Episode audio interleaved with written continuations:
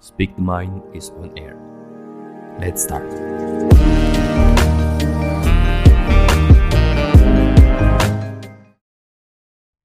Hai ho teman-teman semua, selamat pagi, siang, sore, dan malam. Kembali lagi di Melisankan Pikiran bersama aku Evan. Buat yang baru bergabung, welcome to Melisankan Pikiran.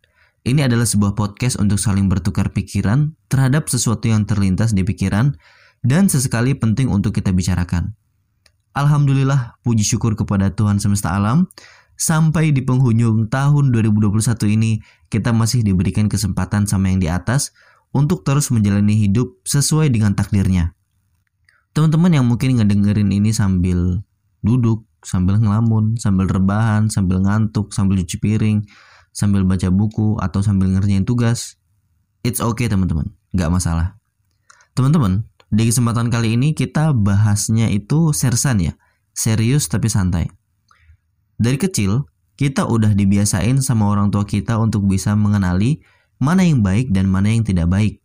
Dan sampai besar pun, tanpa kita sadari, kita masih menggunakan kebiasaan-kebiasaan kita sewaktu kecil. Misalnya, mengucapkan salam ketika masuk rumah, bersalaman sama orang tua ketika hendak berpergian ataupun pulang dari berpergian, selalu mengucapkan terima kasih atas pertolongan orang dan meminta maaf atas kesalahan, well, tentu semakin bertambahnya usia kita, pastinya banyak kebiasaan-kebiasaan baru yang sudah masuk ke dalam tubuh kita. Bertambahnya usia sama dengan bertambahnya tanggung jawab. Kita tentu dituntut untuk bisa memiliki kapasitas dan kapabilitas yang lebih ketika umur kita semakin bertambah. Kamu yang masih berusia di antara 20 hingga 30 tahun pasti punya beberapa faktor yang bisa membentuk kebiasaan kita, mulai dari lingkungan sekitar, lingkungan sekolah, lingkungan kantor, lingkungan rumah, lingkaran pertemanan. Ini merupakan sedikit dari banyak faktor yang bisa mempengaruhi kebiasaan kita, teman-teman. Oleh karena itu, ini mulai masuk ke inti topiknya. Kebiasaan yang baik akan membentuk kita memiliki spontanitas yang baik juga. Jika kita terbiasa untuk berucap kata, bertingkah laku, serta berkepribadian baik, maka akan timbul sebuah kebiasaan positif atau positive habit dan tubuh kita pastinya hanya akan merespon terhadap sesuatu yang positif dan hanya sedikit respon terhadap sesuatu yang negatif. Kalian yang masih membiasakan diri dengan habit yang buruk seperti menunda-nunda pekerjaan atau tugas, suka tidur pagi, suka mengeluh, terlalu sering galau, ini mumpung masih ada umur, ayo berubah. Ini ngomongnya nih, ayo berubah pakai tanda seru nih. Kesuksesan kita itu tergantung bagaimana kita berdisiplin ya. Tegas terhadap planning-planning yang sudah kita buat masing-masing untuk dapat menuju atau mencapai impian dan cita-cita kita. Jangan sampai kita tukar masa depan cerah kita dengan rebahan, males-malesan, terus juga sering overthinking ya kan? Banyak waktu yang sebenarnya teman-teman gak sadari itu terbuang sia-sia hanya karena kita terbiasa melakukan hal-hal tersebut. Dalam sebuah kata-kata bijak orang dahulu menyebut, Al-waktu kasaifi, fa'in lam taktohu, koto'aka. Artinya, waktu itu ibarat sebilah pedang, pedang yang tajam. Maka untuk melumpuhkan sebuah pedang yang tajam, kita tuh harus mematahkan pedangnya tuh supaya nggak bisa dipakai lagi. Karena kalau nggak kita patahkan, pedang yang tajam itu bisa-bisa akan membunuh kita. Paham sampai di sini?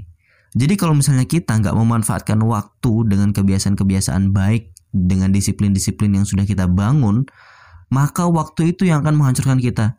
Nanti nggak sadar, tiba-tiba orang lain sudah pada punya ini, punya ini, punya ini, sudah mencapai ini, ini, ini, sedangkan kita masih rebahan di atas kasur. Maka teman-teman, sebenarnya agak disayangkan sih ya, kalau kita ngelihat anak muda yang masih kuat fisiknya, kuat ingatannya, kuat kemauannya, kuat tekadnya itu kalah hanya dengan rasa malas-malasan yang sudah mendarah daging.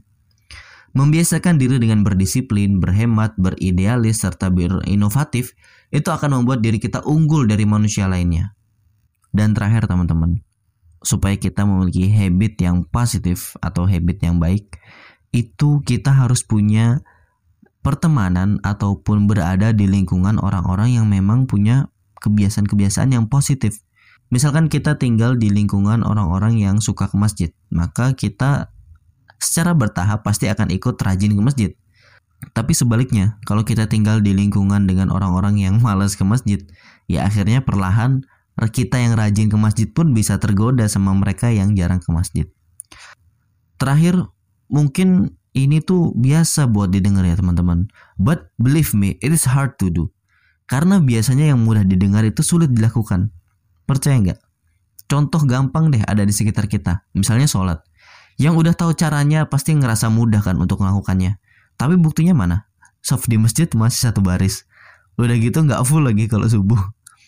Intinya, kita harus bangun kebiasaan baik untuk diri kita agar spontanitas yang terjadi itu selalu positif, baik dalam tindakan maupun perkataan.